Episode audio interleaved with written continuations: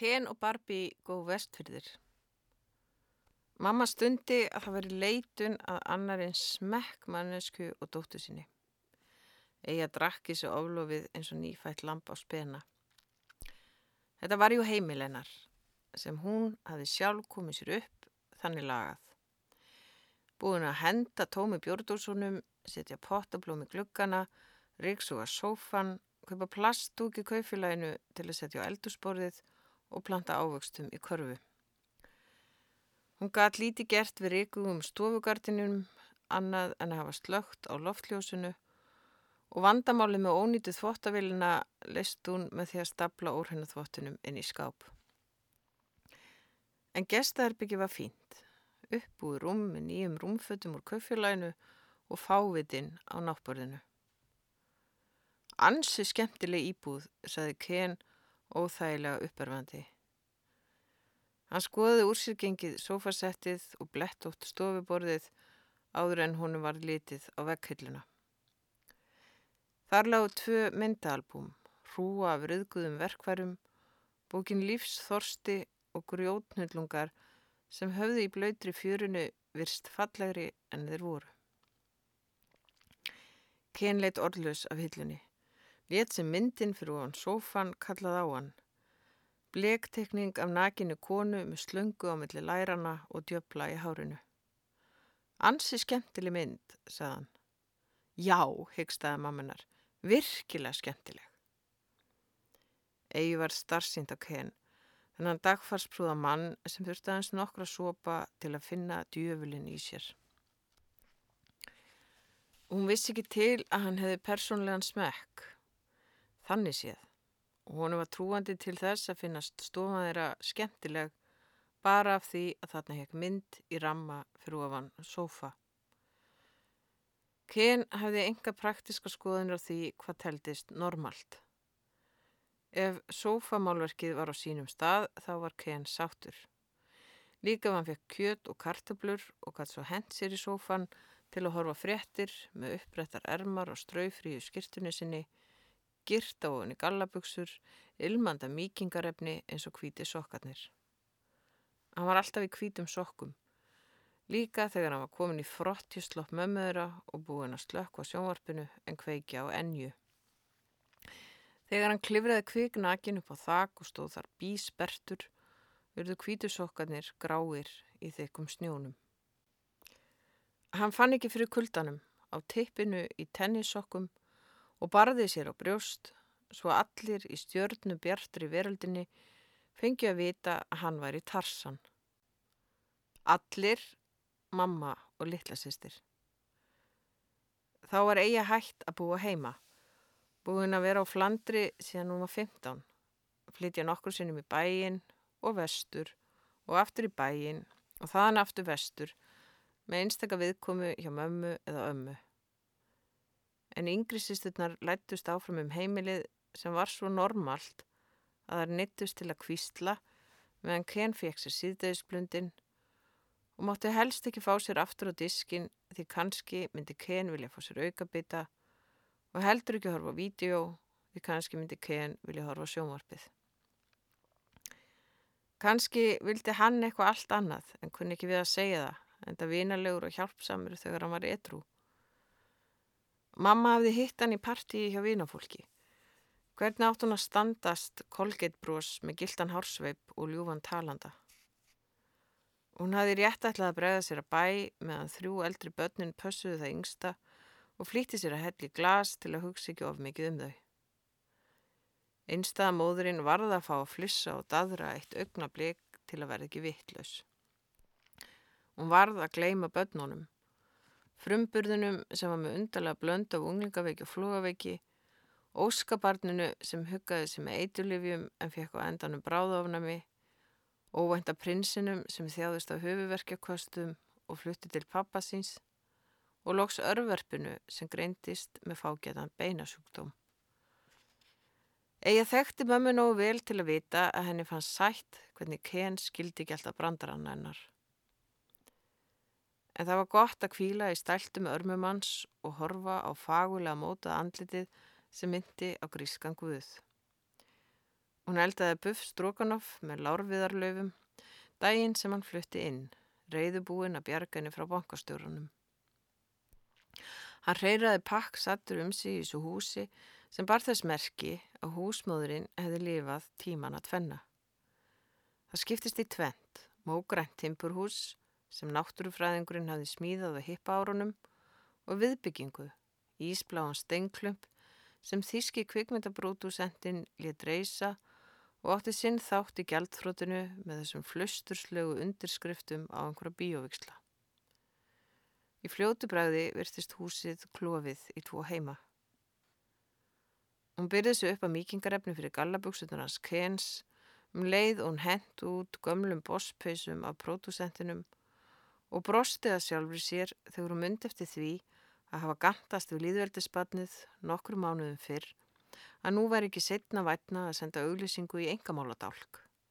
Fjögur að barna móðir með allt á hælunum Óskar eftir fjárhagslega velstæðum kallmanni. Garrin var stæðilegur þegar hann steg inn í stofuna. Þau mamma horfist í augu, jafnaldrar. Hvorugt er að fætt í gær. Hann sá laglega konu með höfðinglegt nef og varirnar lögulegar á þann hátt að munnsvipurinn virtist engar viðkunnalegur. Ögnaráði stert, stríðnislegt og þrungið bjarma. Hún sá líka laglegan mann þó á rustalegan hátt. Það bjóð tvíraðni í augnaráðinu. Munnurinn markaður eilifu glotti. Hárið úfið. Húðin rauðsprengt eftir veturinn. Hann bar með sér svo karlmannlega výbra að Ken fekk í nýjen. Góðan daginn, saði Ken, tauga þöndum rómi en garrin virt hann valla viðlits. Rétt svo kinkaði kolli án þess að líta af mömmu. Það ljóp glamp í augu begja þegar þau hilsuðust. Sæl, saði mamma hlutlusri en þó mátulega gladlegri röttu. Sæl, kurraði garrin ísmægilega. Erst þú tengd og gamla? Já, hún er mætt. Flissaði mamma af gamalkunnugur í sjálfsíroníu sem hann hafi drukkið í sig með móðumjölkinni eða öllu heldur kúamjölk úr pela. Kortir í síðar skáluðu þau í rauðvinni sem Garin kallaði mjölk gamlamannsins, áhugaðlaus með öllu þegar Ken las upplýsingarnar á miðanum fyrir þau.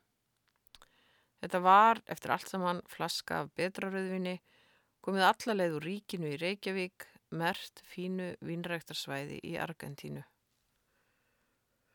Eigi drakk rauðinni hratt og nöytðas.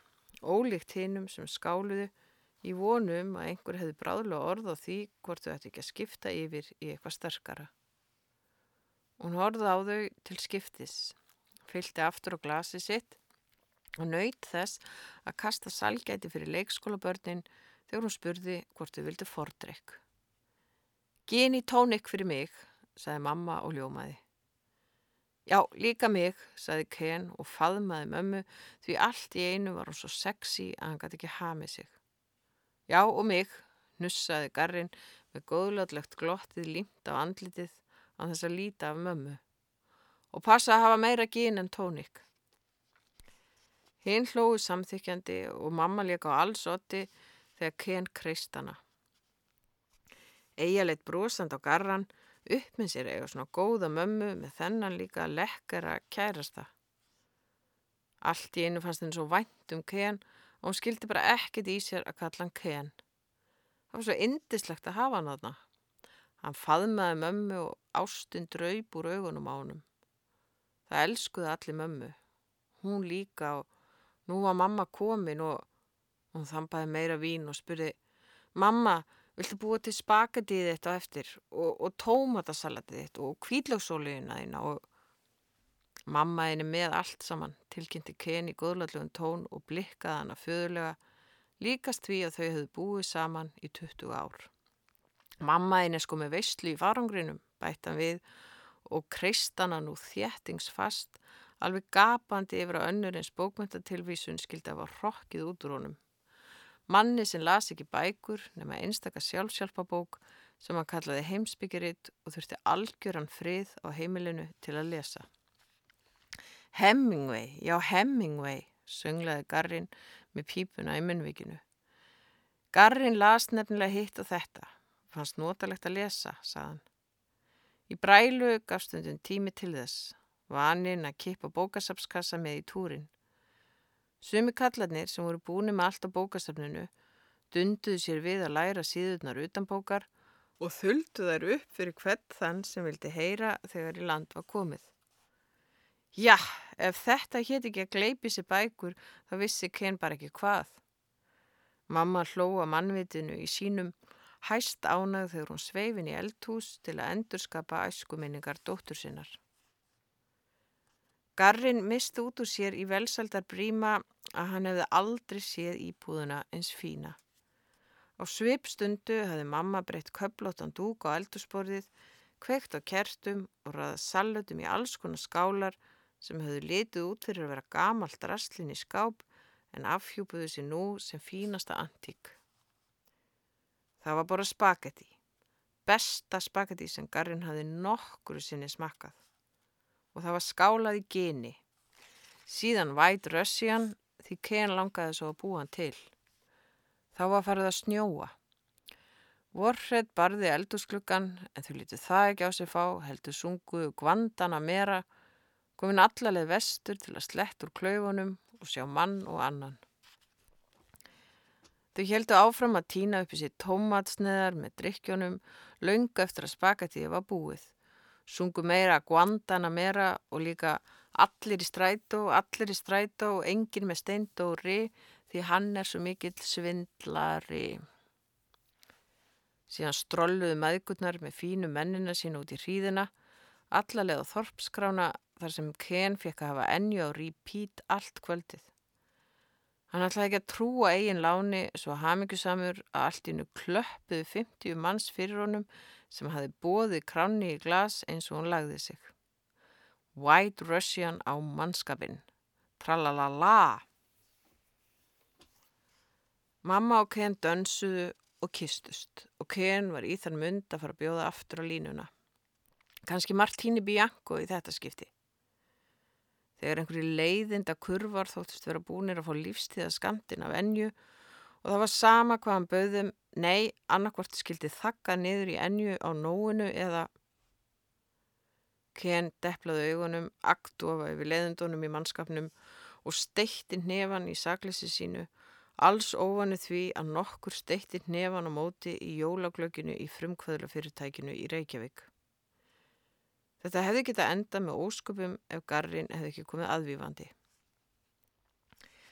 Einhver hefði kvíslað eigu að garrin hefði ekki fengið nafnið út á marathónhlaupum heldur að því hann væri kaldari en norðanáttin þegar kom til handalögmála á barnum.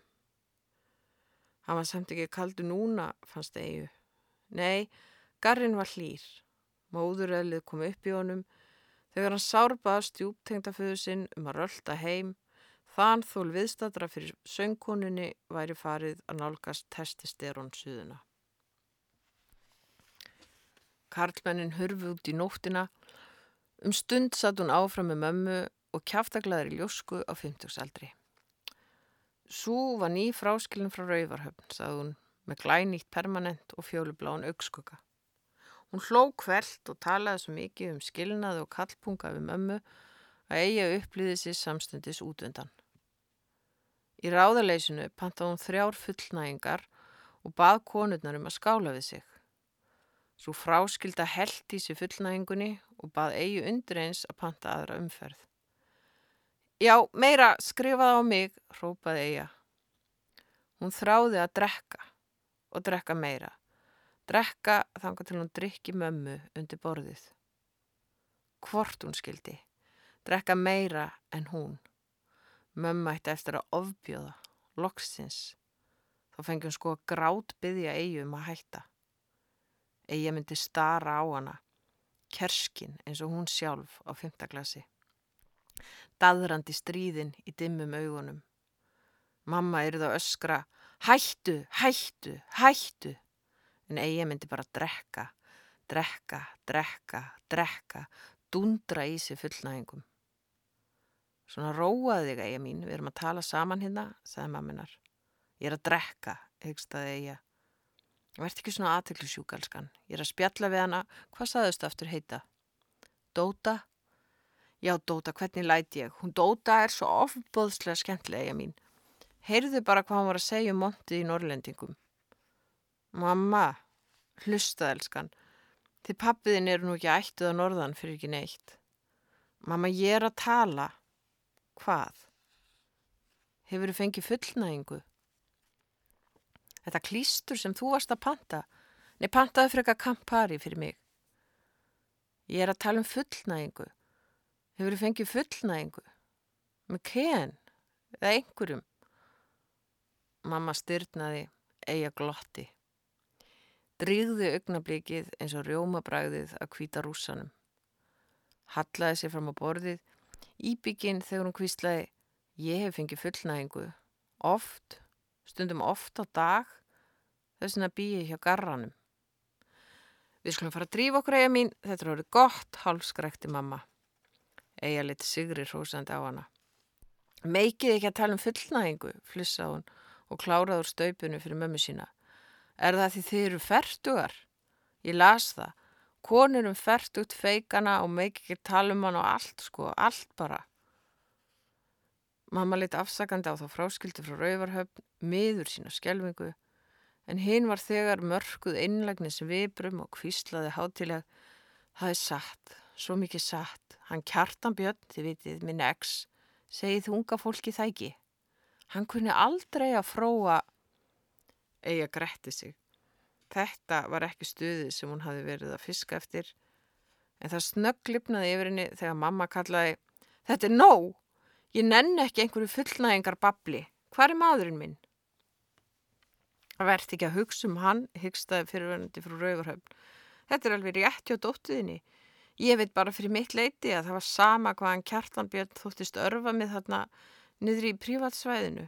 Hann nuttaði og hamaðist en vildi aldrei fara alveg niður svo ég bara... Hvar er maðurinn minn? Endur tók mamma og ringsnýrist á gólfinu. Þegar eina svari var stál og nýfur æft hún Fóran? Hvert fóran? Vill einhver segja mér það? Hvað hva át allt saman að þýða þegar maður er komin allaleg hinga til að sjá badnið sitt og... En Eija var hægt að heyra. Hún hafði runnið undir borðið og sopnað með væmið brós á andlitinu, eins og ungbadnið sem mamma þekkti einu sinni. Fymtastig endurhæfingar fræðsla. Konur á 50-saldri búið við vissum eitthvað svo órætt að það er öllum öðrum ókunnugt þá engum og sérilagi einstaða mæður, finnst eigu eftir æfilegum kynna mömmu og nokkru daga sambúð með skíðadrottningunni. Það gefst tækifæri til að gæjast inn í lindadómin ef svoleiðiskona sendir manni jólapakka með kynverskum silkisloppi, rauðvinsflösku í vísvitandi hallarislegum jólasokki tarróttspil og frú báari. Því svoleiðis kona hefur sofið hjá í næstum 30 ár, farið í fleiri rauðvinsparti en hún hefur tölu á, skreitt og baka fyrir jólinn, mist trúna á jólunum og farið aftur að njóta þeirra á sinn hátt yfir lúinni bók til dæmis frú báari og lagt spilin aftur og aftur á borðið, ímestri eigimenn, þjónustu fulltrúa í böngum og börnin sín. Ef læðan á sér nýju líf, þá á einstæða móðurinn tíu. Rúna er eina af þessum konum, þó að hún eigi góða mann í dag. Líka þó að hún drekki kvítt frekar en raukt og myndi frekar saga af sér hægri fótinn en lesa frú báari. Það glampar á dölúðuna í augumennar í skinninu frá eldinum. Hann er óðum að fjara út en magna skindilega þegar Rúna snýr sér að eigu og horfir í gegnum hana. Síðan segir hún ögdrafandi Þú ert rétt að byrja, elskan. Hvað meinaru, spyr Eija, þrúið af drunga. Því meira sem hún drekkur, því hræðilegri verða orðin á blaðinu, hún hjakkar í klunnalegum setningum, föst og eigir hverki undankomuleið. Bara allt heila klappið, svarar Rúna og skengir víni í glösin hjá þeim báðum. Bara ef þú hættir að hugsa um þennan kall, þá fyrir restin að ganga betur hjá þér. Heldur það?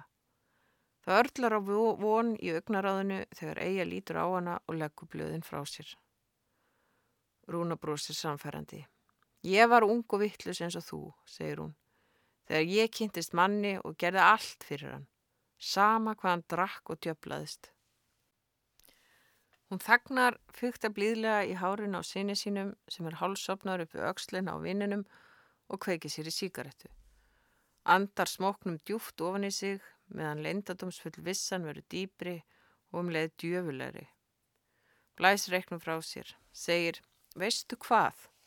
Nei, þegar ég fór, loksins, þá tók það bara nokkra daga að finna sér nýja.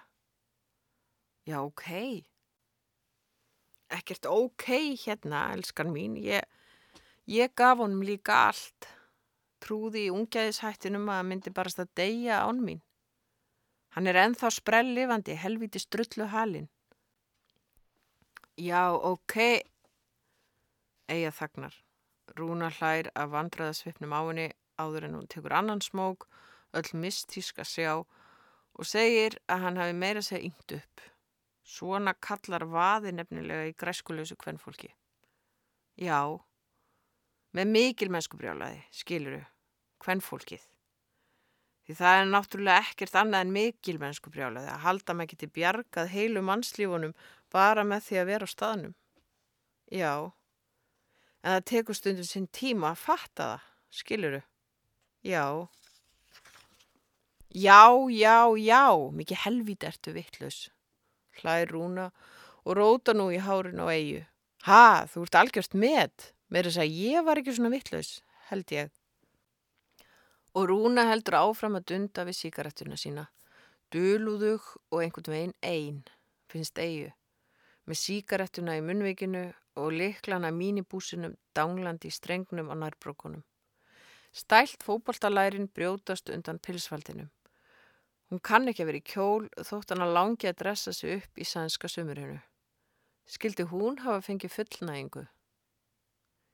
Auði blóðlangar að spyrja hana en veit að það er ekki hægt. Því Rúna er eins og mamma.